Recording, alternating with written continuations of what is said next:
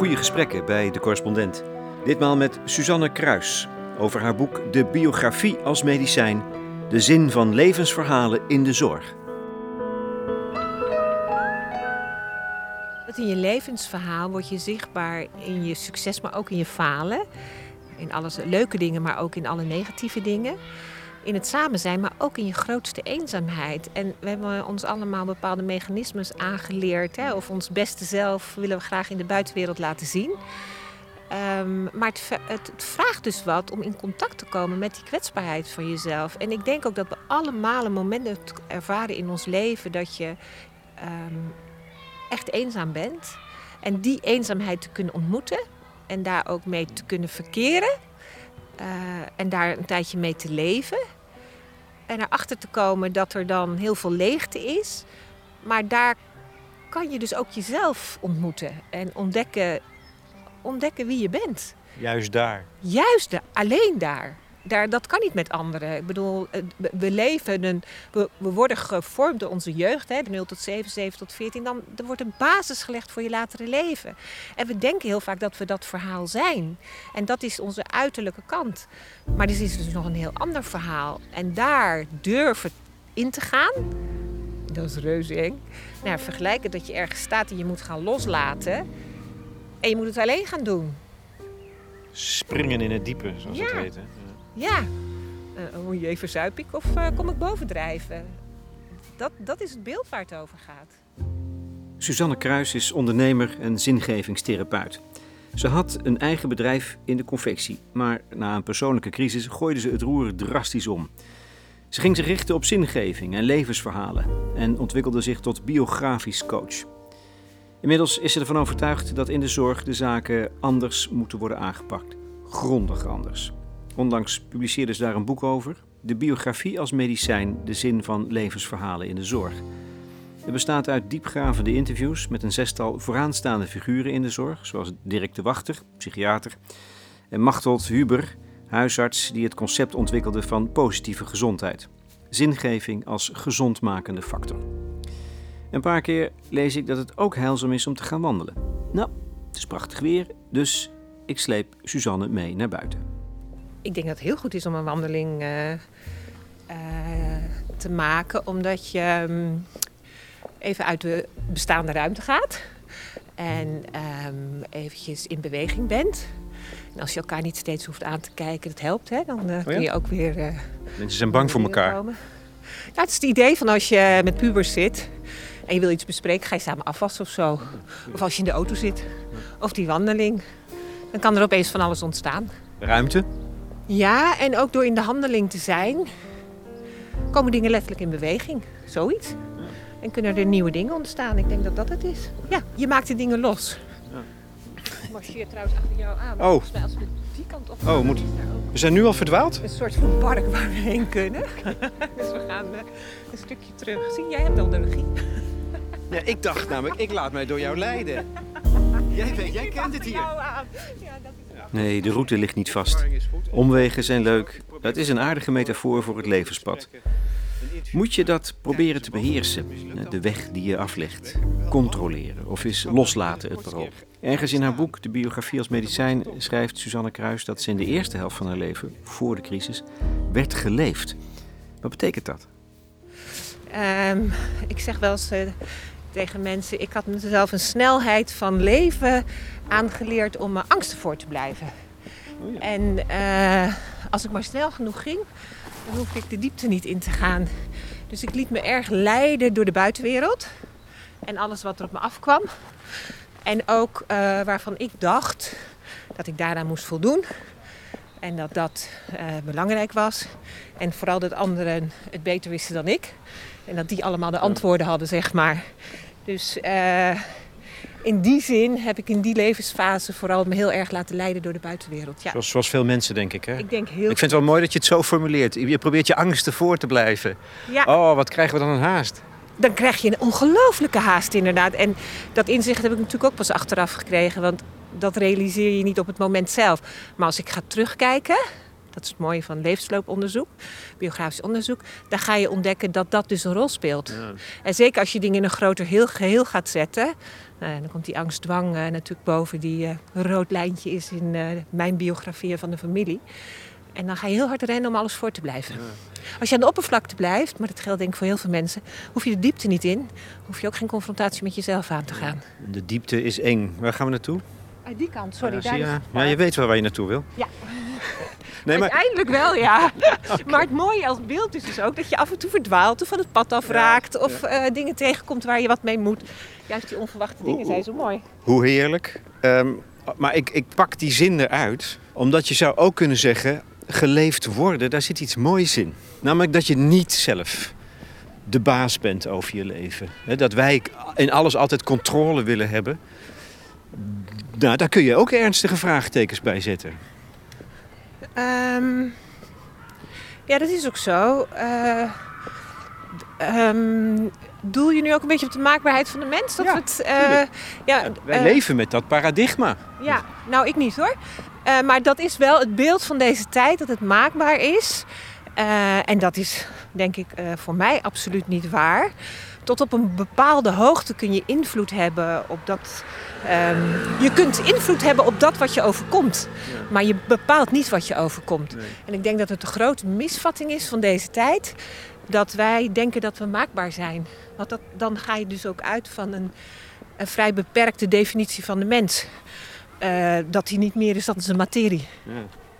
En dat is een, een, een uh, overtuiging die natuurlijk in de zorg nog wel breed leeft. We zijn ons brein. En daar zet, je, zet, zet jij en jullie met je collega's als biografisch coach... zet je andere dimensies daarnaast en er tegenover. Die, dat zijn er vier, komen straks nog wel op. En dan is het een zegen als zich een crisis aandient in jouw leven. Ja, dat durf ik nu te zeggen omdat ik hem zelf heb meegemaakt. Want het is natuurlijk altijd gevaarlijk om te zeggen het is een zegen om te zeggen dat je een crisis meemaakt. Maar als ik uh, terugkijk op mijn crisissen, dan um, zijn dat denk ik de gebeurtenissen waar ik het meest van heb geleerd. Ja. Want pas als je, als je in je comfortzone zit, het is de mens eigen, dan loopt het allemaal lekker. En waarom zou je dan iets veranderen of in beweging komen? Dan gaat het goed en dan is het prima. En dan, laat je, dan leef je redelijk, laten we zeggen, automatisch. En misschien ook wel een beetje onbewust. En opeens krijg je dan die dreun voor je hoofd. En word je letterlijk tot stilstand gebracht. En dan is het interessant om te kijken of je ziet dat er misschien vragen achter dat probleem zitten. Vragen over wie je bent, waar het werkelijk over gaat, wat de betekenis is van de dingen die je overkomt. Uh, dan ga je opeens vragen stellen en dan krijg je de gelegenheid om bewustwording te creëren. Om te denken van, hé, hey, wat, wat speelt hier allemaal? En wat kan ik hiermee? In jouw leven waren er twee dingen. Een echtscheiding en ik mag het zeggen, je schrijft erover. Ja. Hè, want ik heb ook iets van, ja, haar privacy moet ook natuurlijk gerespecteerd worden. Maar je dochter werd opgenomen met, met ernstige psychiatrische uh, klachten. Ja, ik ben er heel erg uh, um, ambivalent in, want ik wil dat liever niet inzetten. Nee. Maar ik kan me ook voorstellen dat mijn ervaringen is voor andere mensen ook weer, die herkennen zich daarin. En het kan inspiratie geven dat uh, wat ik heb meegemaakt en hoe ik daarmee om ben gegaan, dat andere mensen denken van wow, uh, soms voel je je heel eenzaam, denk je dat je de enige bent. Die neiging hebben we ook allemaal als mensen. Maar we lopen allemaal tegen dingen aan. Dus in die zin kan dat natuurlijk helpen. Wat gebeurde er met je dochter? Um, die werd uh, opgenomen met ernstige angstdwangklachten. Ik zeg expres klachten, niet de stoornis. Um, binnen de kinder- en jeugdpsychiatrie. Wat deed het met jou als moeder? Um, opeens is alle grond onder je voeten. Misschien was het wel het moment. Hè? Mijn ex-man was net de deur uit. Mijn twee oudste kinderen waren net de deur uit. Dat is die andere gebeurtenis ja. eh, van crisis, echtscheiding. Ja. Die, die, die lag er nog voor. Ja, het was een, een, een, moment. Dat zijn van die momenten in je leven. Dat is ook sterk gemarkeerd bij mij. Ik beschrijf dat ook in mijn boek. Dat ik op een gegeven moment de trap afkom bij uh, La Plas in uh, Amsterdam Zuidoost. Ook een geweldig inspirerende plek, maar niet heus. En het regende, het was grijs en somber. En op dat moment realiseerde ik me dat nou, ik mijn huwelijk kwijt was. Ik was uh, mijn, kind, mijn oudste kinderen deur uit. Mijn jongste kind was opgenomen. Ik had mijn, mijn veiligheid van mijn eigen bedrijf opgegeven voor de onzekerheid van twee opleidingen. Kortom, alle zekerheid was weg. En juist ik, die altijd heel erg op zoek was naar veiligheid en zekerheid. En op zo'n moment realiseer je dan ook dat alle antwoorden van anderen niet meer volstaan. En dat je heel erg wordt teruggeworpen op jezelf. En dat je dan je eigen antwoorden moet gaan ontdekken op het spoor gaan komen. Dat het daarover gaat. Had je het niet goed gedaan als moeder? Nou ja, natuurlijk ga je altijd ook iets roepen van uh, je bent geen goede moeder, je hebt het niet goed gedaan. En dat is heel menselijk, denk ik. Um, en de kunst is om daar bovenuit te stijgen op een gegeven moment. Want die, natuurlijk ben ik dat proces ook doorgegaan. En wel te gaan kijken, ja, waar gaat het hier nu werkelijk over? En uh, binnen de, ik denk dat het heel belangrijk is om te erkennen dat kinderen uh, waarmee zij worstelen of wat zichtbaar wordt, dat dat een uitdrukking is van het systeem. En dat je het dus ook niet moet isoleren, maar zien van, goh, wat zegt dit over het grotere geheel? Het gezin. Ja, het systeem, het gezin en misschien zelfs de familie. Ja. Uh, en door mijn werk en door mijn opleiding ben ik dat gaan onderzoeken. En ben ik me ontzettend veel gewaar geworden over mezelf. Over mijn eigen dwang en hoe ik met de dingen omga. Want het lijkt erop alsof zij jou uh, um, spiegel voorhield. Nou ja, een spiegel voorhield. Ja, nooit, nooit bewust. Want, nee. want het is natuurlijk echt ellendig wat ja. zij heeft meegemaakt, denk ik. Nee, het is, het is vreselijk. Vreselijk. En, en ze was nog heel jong en ze is ook uh, vrij lang opgenomen geweest. Uh, dus dat is afschuwelijk. maar als je kunt erkennen dat het dus ook een spiegel voor jou is... Um, en misschien wel een spiegel voor het hele systeem. En wat doe je daar dan mee? En hoe pak je dat op? Jij ging vragen stellen aan jezelf. Dus wat, wat is het, het, het diepe motief in mijn leven? Ja. Dat zeg je een paar keer. Ja, nou die is wel heel groot hè, voor de eerste keer. Daar zat ik natuurlijk niet gelijk. Nee, zoals je er nu over schrijft in ieder geval. Ja, ja. er gingen een aantal vragen vooraf. Maar uiteindelijk gaat het er wel over... ja, maar waar gaat het hier nu om en wat wil ik hiermee? En ik kwam erachter dat um, um, je thema's... Uh, op een bepaalde manier ook verbonden zijn met je zingeving. En inderdaad met een soort dieper motief. En als je dat op het spoor kunt komen en dat allemaal bij elkaar gooit, en ik kwam een soort van mijn missie daarmee op het spoor, dan is het dus dienend naar de toekomst. En dat is ook precies de kern van ons werk. Als je de dingen die je in het verleden meemaakt en uh, als je daar betekenis weet aan te geven, ook, en dat zijn vaak toch de pijnlijke dingen, dan kan dat richting en zin geven naar de toekomst. Overigens, jij kwam, je, je zei het al, angst, dwang. Uh, noem, benoem die al een paar keer. Is dat, is dat waar je dan uiteindelijk op, op stuitte? Als um, kenmerkend voor, wat jij, voor jouw levensloop, jouw biografie? Tot dat moment in ieder geval? Nou, nee hoor, ik kan een heel serie thema's opnoemen als je het wil. Maar het was vond wel... dit al, vond dit al. maar dit is wel een hele uh, een hele, misschien voor heel veel mensen ook herkenbaar in deze tijd. Hè? Want angstdwang is ook een manier om controle te krijgen over je leven. En dan kan ik er nog achteraan zetten in onveilige situaties. Nou ja, goed, vanuit een onveilige jeugd kun je je bepaalde overlevingsmechanismes aanleren. Dat doen we allemaal op een bepaalde manier. En de kunst is natuurlijk om daar op een gegeven moment achter te komen. En mijn dwang was niet zo erg dat ik daar um, voor in behandeling was. Maar ik kwam er wel achter dat ik mijn leven heel dwangmatig vorm gaf. Heel erg vanuit de vorm en heel erg van dit en dat. En heel erg vanuit bepaalde overtuigingen ook. En als je daar um, naar leert te kijken en die gaat onderzoeken, ja, dan komt er ruimte, die ruimte weer, waar we het al een paar keer over hebben gehad, om iets anders te laten verschijnen. Van ja, maar waar gaat het dan werkelijk over? En, dat uh, zijn bevrijdende vragen. De vraag stellen. En, en je eigen, in dit geval angst en dwangmatigheid, onderzoeken. Dat werkt bevrijdend uiteindelijk. Ja, mooi het woord bevrijdend, want daar zit dus ook vrijheid in. En dan voel ik ook gelijk ruimte, hè, zoals we hier staan. De ruimte die gecreëerd wordt. Dat is ook heel eng, hè? Want als je beperkende overtuigingen en dingen waar je mee leeft moet gaan losmaken, loslaten, dan sta je opeens in de ruimte en denk je: verrek, ik heb geen houvast meer. Dus de durf om dat te gaan doen vraagt heel veel kwetsbaarheid en moed. Hè? Dat haal ik ook een aantal keren, want dat zie je ook in de verhalen van uh, de mensen die ik geïnterviewd heb. Als je ergens tegenaan loopt in het leven, dan vraagt het kwetsbaarheid en moed om los te laten dat waar je in geloofde en voor stond. Uh, En te ontdekken dat misschien ook anders kan zijn. En om dat te ontdekken moet je vragen stellen. Antwoorden verwijzen altijd naar het verleden, naar bestaande kennis. En vragen, die creëren ruimte.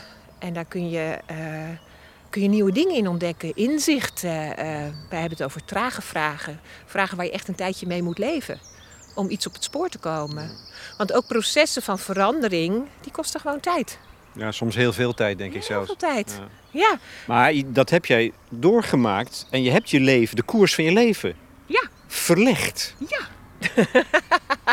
ik zeg wel eens van de uiterlijke wereld, ik werkte in de confectie letterlijk aan de oppervlakte blijven. Hè, het jasje aan de buitenkant. Wat deed je eigenlijk? Je had een bedrijf, eigen bedrijf? Ja, uh, aan het eind had ik een eigen bedrijf. Niet lachen, in grote mate. En uh, samen met een compagnon. Ik geloof erg in, in samenwerking. Iedereen is de eigen kracht. En uh, we zetten collecties uh, in de wereld onder de merknaam in Nederland en ook een stukje export.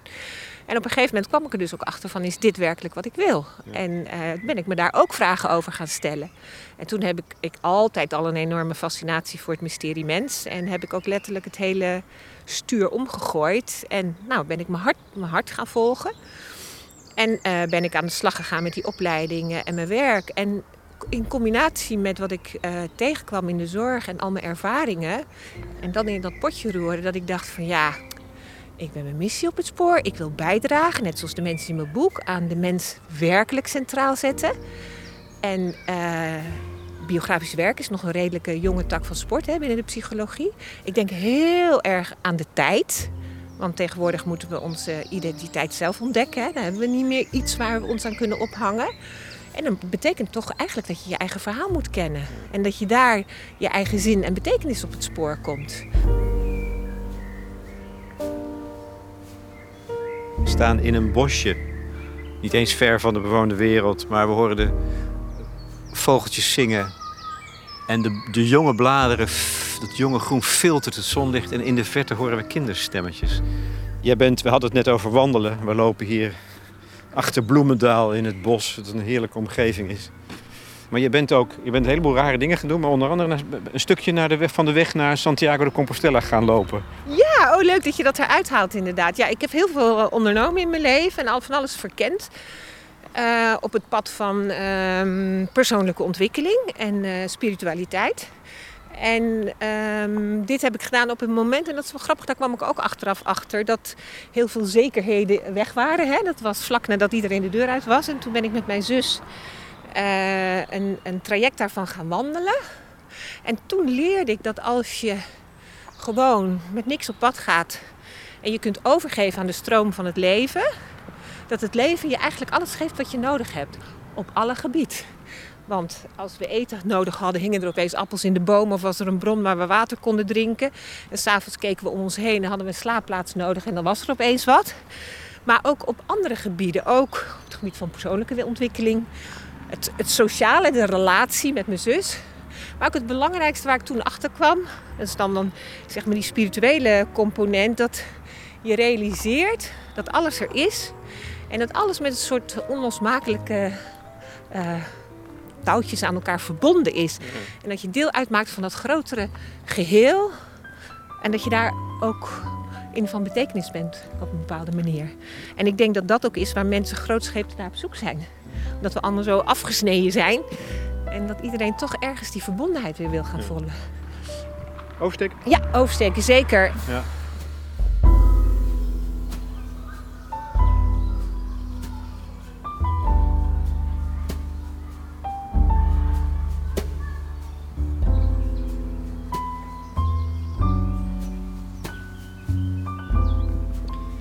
We steken.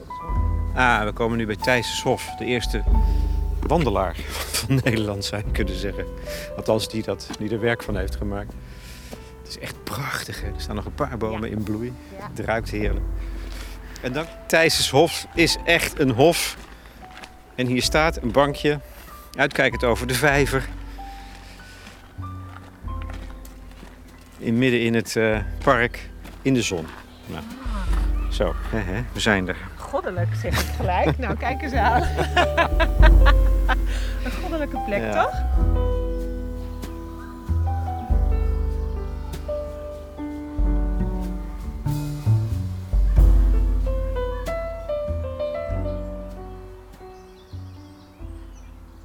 Suzanne Kruis spreekt vaak over wij en ons werk. Daarmee duidt ze op de collega's, geschoold in het biografisch coachen. Met twee van hen heeft ze een praktijk, de Square of Life. Kenmerkend is de methode van de dialoog gericht op het vinden van het eigen levensverhaal. En, dat is heel belangrijk, het speelt zich af op minstens vier dimensies: het lichamelijke, het sociale, het psychische en het spirituele. En hoe kan ik van betekenis zijn? Dat is dé vraag van deze tijd. Dus doordat wij dat op vier dimensies onderzoeken, kijken we niet alleen naar persoonlijke ontwikkeling of uh, hoe je het in je werk doet, maar we kijken het in het totale. Want privé en zakelijk zijn altijd onlosmakelijk met elkaar verbonden. Maar ook wie ben jij nou op die vier dimensies van je bestaan? Meeste mensen hebben geen idee wie ze zijn in de wereld of hoe dat eruit ziet. Ja. Ik vind het altijd opvallend als, als je aan mensen vraagt. Als je, als, je, als je elkaar weer eens na een tijdje tegenkomt, hoe gaat het? Dan gaat iedereen meteen over werk beginnen. Ja, ja lekker druk, druk, druk. Dat is een soort maatstaf voordat het goed gaat. Um, maar dat is natuurlijk maar een uiterlijkheid. Wat zit daar voorbij? Wat is het verhaal wat erachter ja, ligt? Wie is, ben jij eigenlijk? Is dat niet hetzelfde als vragen: ben je gelukkig? Of is dat wel hetzelfde? Nee. Vind ik altijd zo'n leuke vraag om te stellen aan mensen: ben je gelukkig? Nou, ten eerste is het een ja-nee-vraag. Wij zijn niet zo van de ja-nee-vragen. Um, en um, ja, natuurlijk is het leuk om te weten of iemand gelukkig is. Hè? Ik doe nu een beetje flauw, nee, maar... maar ik, ik denk dat het een confronterende vraag is namelijk. Ja, en, um, maar gelukkig wordt heel erg. Wat is gelukkig? Ik denk dat dat de vraag is. Wat is geluk? Want gelukkig wordt zijn wordt vaak afgemeten aan dat alles goed gaat. Ja. Dat alles meezit. En, en um, we moeten succesvol zijn. We moeten volmaakt zijn. We moeten een goede relatie hebben. Ik denk dat geluk is dat je uh, ten diepste met jezelf verbonden voelt. En met de buitenwereld. En voelt dat het oké is. En dat jij op je levenspad zit. En misschien dat je ook nog een, want dat is ook belangrijk in ons werk, dat je een bestemming voor ogen hebt. Dat je weet waar je heen gaat. En, en, en in ieder geval, is het jullie bedoeling? Of uh, streef je daarnaar? Is dat ook je missie nu? Om door dat te helpen mensen hun levensverhaal te onderzoeken en te vertellen als verhaal. Kom je erachter wat, hoe je van betekenis wil zijn in het leven? Dat is eigenlijk het mooiste als dat gebeurt. Ja, uiteindelijk willen we allemaal van betekenis zijn. En het is dus ook niet een, uh, een ego-verhaal van op het spoor komen. Hoe kan ik hè, het beste uit mezelf halen? Het gaat over mij. Nee, het is altijd in de relatie met de ander. Uiteindelijk gaat het erom wat kan ik bijdragen in de wereld? En waar bestaat mijn specifieke nou ja, uh, bestemming dan uit? Dus het is altijd het van betekenis zijn voor de ander. In relatie met de ander besta je. En daar komt ook je, nou ja, daar kom je tot in uitdrukking. En dan is mijn vraag, als het over je boek gaat, de biografie als medicijn, de zin van levensverhalen in de zorg. Je hebt zes mensen gesproken. twee daarvan heb ik zelf geïnterviewd voor mijn serie De Goede Gesprekken. Uh, Trudy de Hu en Dirk de Wachter. En andere zou ik ook wel willen doen. Maar dit zijn allemaal mensen die al enorm van betekenis zijn in de wereld. Dus ik dacht, waarom moet je deze mensen hè, met hun bekendheid en met hun geweldige staat van dienst spreken? Juist deze mensen. Ik heb expres geen patiënten genomen, ook om te laten zien. Of uh, mensen die in de confectie werken en uh, uh, op jacht zijn. Ja, maar ik heb een missie in de zorg, dus ik wil de oh, mensen ja. uit de zorg nemen. Oh, ja. Ik wil de mensen nemen die, laten, die werkelijk de mens centraal zetten, want dat roept wel iedereen in de zorg, maar dat gebeurt nog maar heel erg weinig echt. En ik wilde ook laten zien, want iedereen zegt, ja, deze mensen zijn zo, succesvol, die hebben het toch voor elkaar hè, en noem maar op. Maar deze mensen hebben dus ook een weg afgelegd. En die hebben ook te maken met falen, die hebben te maken dat ze van het pad af zijn geraakt, die hebben ook te maken met ziekte en tegenslag, met verlies, eenzaamheid. En door te laten zien waar deze mensen steeds weer op wisten aan te haken. En dat ze ook iedere keer, want dat is heel belangrijkheid, moedig zijn. En steeds weer aanhaken op dat waar je van denkt van uh, dit is voor mij belangrijk. Dan lukt het je dus om dat in de wereld te zetten.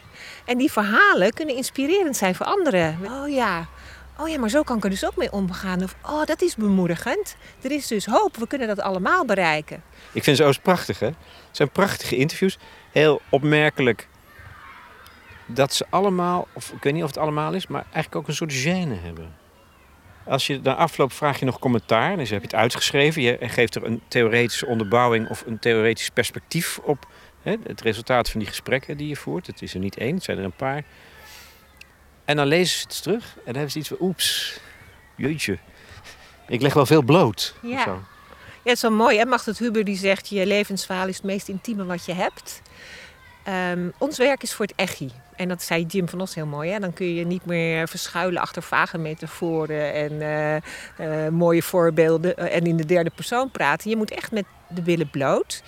En ik vind het heel mooi dat deze mensen het gedaan hebben. En ze verschijnen nogal hè, in hun kwetsbaarheid. Nou, doe dat maar eens. Als je bekend bent als nou ja, Jim van Os bijvoorbeeld, een hele bekende psychiater in Nederland. Nou ja, de andere, het geldt ook voor de anderen allemaal. Ja, en ik denk ook, hè, ehm, er wordt tegenwoordig heel veel gezegd over professionele nabijheid. En het gaat over autonomie en gelijkwaardigheid en echte interesse. Dat vereist dat je, op een, op, uh, dat je niet meer een hiërarchie hebt, maar dat je dus werkelijk in gesprek gaat. Autonomie vraagt ook dat je kunt reflecteren op jezelf en dat je kwetsbaar en open kunt zijn. Deze mensen doen dat, maar ik ken heel veel wetenschappers en mensen in de zorg, uh, ook heel veel psychiaters, die dit wel zeggen, maar het niet werkelijk kunnen doen. Moed en kwetsbaarheid zijn on onlosmakelijk met elkaar verbonden, inderdaad. Ja. Want uiteindelijk is de relatie de grond voor iedere succesvolle samenwerking. Zowel binnen uh, een therapeutische setting als overal.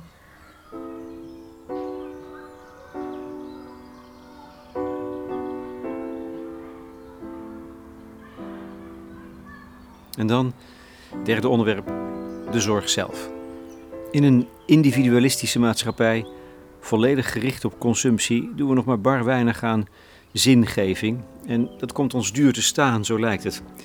Want volgens Suzanne Kruis leidt juist dat levensbeschouwelijke gat tot allerlei psychische en fysieke klachten. En die drukken zwaar op de zorg. Terwijl de kosten juist in de hand gehouden moeten worden. Kan het anders? Ja, maar hoe dan? Wat moet er gebeuren in de zorg, fundamenteel, met ehm, deze inzichten? En nou, ik, ik wil bijdragen, hè. laat ik me bescheiden opstellen. Um, nou, ik, ik, denk het allerbelangrijkste een, een, een verandering van attitude. Hè, dat het veel meer gaat van antwoorden geven naar vragen stellen.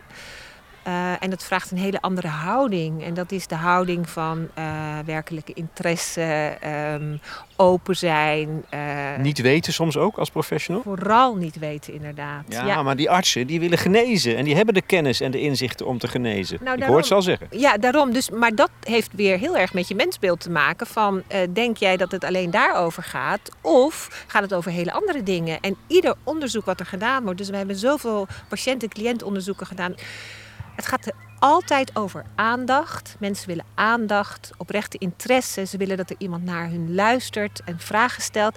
En daar begint het vaak. Dus um, de, de therapeutische relatie is het begin van alles. Dus een, een, een, scholing van een grondhouding verder daarin. Van veel meer naar van vragen hè, in plaats van antwoorden. En die, die openheid, die inleving. En daar kan het bij helpen door je eigen verhaal meer, veel meer, de scholing van je eigen ervaringsdeskundigheid. Dan kun je als professional veel op een andere manier met elkaar in gesprek gaan. Uh, ik denk dat dat al heel erg belangrijk is. En nou ja, op zoveel manieren zou de zorg uh, moeten veranderen. En um, weer terug even naar Machtel Huber. Als je veel meer aan preventie gaat doen. In plaats van dat iedereen diep daar in die zorg verandert, uh, belandt die daar lang niet altijd thuis hoort.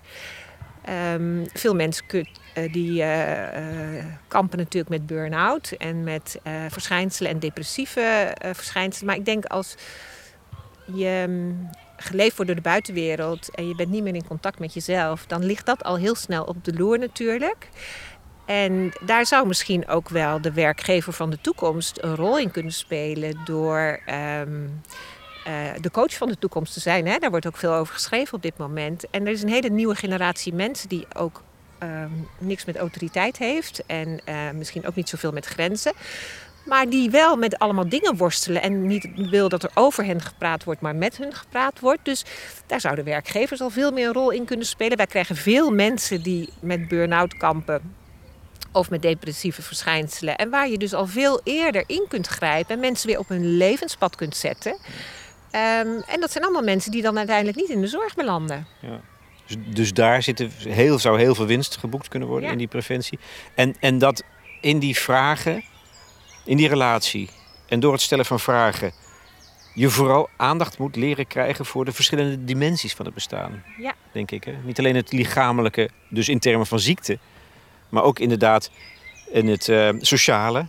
En met name ook het spirituele. En dan heb je het over de zin van het leven. Ja, het is heel mooi. Ehm, ik ben jaren geleden uh, ben ik naar een, uh, een, symposium geweest over herstel. En daar hield Jaap van der Stel een, uh, een lezing over de vormen van herstel. En hij zei dat er eigenlijk vier vormen waren. Klinisch herstel, dus dat is herstel van ziekte en symptomen.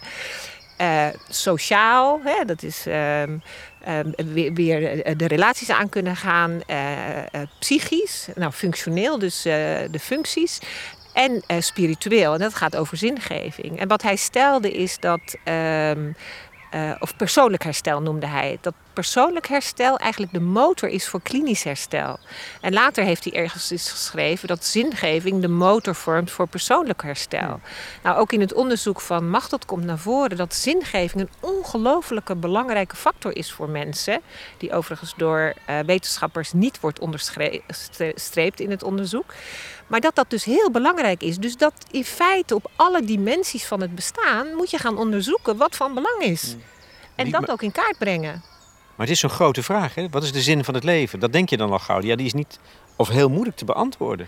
Maar als mensen binnenkomen met de zin van het leven, is dat mooi. Mensen komen binnen met een probleem. Nou, een probleem vormen wij altijd om naar een vraag. Um, en die vraag, daar zit vaak een vraag onder. Dus laten we zeggen dat jij binnenkomt met de vraag: uh, waarom ben ik toch altijd zo moe? Nou, dan gaan we even met elkaar in gesprek. En dan blijkt eigenlijk dat je zegt: ja, maar wie ben ik eigenlijk? Hè? Want alles op het, het werk, het komt op me af, ik word platgedrukt. Wie ben ik? En dan gaan we die vraag verder verkennen. En dan komt misschien wel onder die vraag naar boven een vraag van hoe kan ik meer rust en ruimte voor mezelf creëren? En dat is dat eigenlijk de vraag waar het over gaat. En met die vraag gaan we dan aan de slag. En dan gaan we verkennen op die vier dimensies hoe dat voor jou werkt. Dus grote vragen, daar liggen ook weer soms kleinere vragen achter uh, verborgen die toegankelijker zijn, maar die je wel helpen op het spoor. Wat denk ik wat, wat, denk ik een hele belangrijke is, dat het begint met een grondhouding. En dat kan iedere professional leren. Dat je op een andere manier uh, de ontmoeting ingaat. En, uh, door alleen al vragen te zijn, door iemand ruimte te bieden en niet gelijk met antwoorden te komen, door te luisteren en uh, door het, dat het verhaal mag klinken waar het over gaat. En door de vraag uit te vragen, kun je in één gesprek al ongelooflijk veel bereiken dat zou heel mooi kunnen zijn voor huisartsen. Hè? Als iemand binnenkomt, eh, om veel helderder te krijgen waar gaat het hier nu werkelijk over. Maar voor iedere arts. Ook nog binnen die 10 minuten die ze hebben voor een consult? Nee, maar uh, laten we duidelijk zijn, in 10 minuten kun je niet zoveel. In die zin moet er ook meer tijd komen. En in die 10 minuten moet er dan ook nog uh, moet er aan van alles voldaan worden. En, en het liefst ook nog achteraf getoetst, geromd hè, of het wel goed gegaan is. Ja, dat heb ik ook wel horen zeggen. Dat verdubbelt het, het aantal minuten voor een consult. En uiteindelijk gaan de kosten omlaag. Omdat je in die 20 minuten veel meer kan bereiken hè, met dit soort dingen. Het is natuurlijk belachelijk dat aan de voorkant van de zorg, waar uh, de preventie zit, waar veel aan coaching gebeurt, dat daar niets vergoed wordt. Hè. Mijn werk wordt niet vergoed. Overigens wil ik niet eens in dat hele stelsel zitten. Maar uh, als je daar meer ruimte zou pakken, letterlijk ja, dan gaat je dat zoveel opleveren dat je aan de andere kant uh, dat je zoveel overhoudt. ja, er is al vaker gezegd, maar de geldstromen worden natuurlijk zo verkeerd ingezet. Volgens mij, als je dat stuk goed zou pakt, ja, dan kun je ongelooflijk veel besparen, want dan hoeven mensen helemaal niet in die zorg te komen.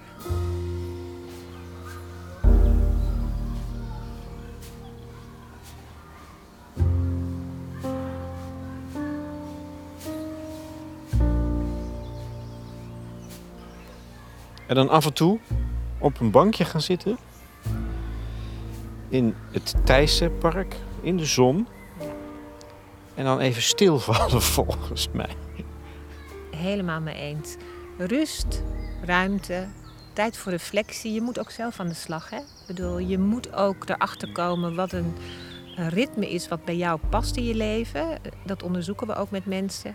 En een goed gesprek af en toe met uh, de ander, met vrienden of familie. Dat is ook al heel veel, hè? daar de tijd voor nemen. Dat kan ook al enorm helpend zijn. Ja. Nou, dit was er weer een goed gesprek, wat mij betreft. Wat mij betreft ook. is mooi, hè, hier? Ik vind het geluid ook zo mooi. Die, die spelende kinderen op de achtergrond heel ver weg in het hoge luchtruim een vliegtuigje. Maar het, geritsel van de bladeren, de vogeltjes die je zingen of op het pad spelen. Dit is toch ook gewoon ook mooi, schoon en weldaad in, in zintuigelijkheid. Het is mooi wat je zegt, zintuigelijkheid. Want in de zintuigelijkheid ehm, ervaar je de zinnigheid van het bestaan. En dit is gewoon in contact zijn met dat waar het over gaat. Toch nog weer een toevoeging, toch nog weer een, een, een, een, een, een nieuw pad in. Want zintuigelijkheid kan je ook als iets oppervlakkigs afdoen. Terwijl je wil juist de diepte in. Wat me overigens heel erg aanspreekt, dat is toch opmerkelijk. Nou, het is mooi dat je dat nog even aanhaalt, want ehm, dat wat jij net schetst is allemaal heel mooi. Maar uiteindelijk zeggen wij altijd, we zijn gewoon plat aardebewoners. Hè? Uh, met je voet in de aarde en gewoon huppatee in contact zijn met. Dus ehm, in contact zijn met je lichaam, eh, in contact zijn met de wereld, dat gaat via je zintuigen. En als jij niet goed in je lijf zit, dan kun je überhaupt niet in contact komen met jezelf. Dus dat is ook een belangrijk onderdeel waar we aandacht voor hebben. Hoe zijn mensen in contact met zichzelf? Hoe zijn ze in contact met hun lijf? Hoe zijn ze zintuigelijk? Um, dat is wel hoe je in contact bent met de wereld. En hoe jij ook je, je ruimte inneemt in de wereld en omgaat met de wereld. En ja, dat vind ik zelf een hele mooie uitspraak. In die zintuigen hebben we niet voor niks. Hè? En die kun je dus ook ontwikkelen. En dan kun je zelfs nog een zesde zintuig ontwikkelen. Dus dat betekent dat je heel goed gaat waarnemen op alle niveaus. Maar dat is zo ongelooflijk nodig. En dat biedt de natuur. Ja, daar had Thijs wel gelijk in. Zeker. Zeker. Volgens mij is dit precies wat hij bedoelde. Dus laten we nog even blijven zitten. Nou, en het is wat ook weer uh, het zelf ervaren is het allebei. Je kunt erover praten, maar het gaat erom dat je het zelf ervaart. Ja.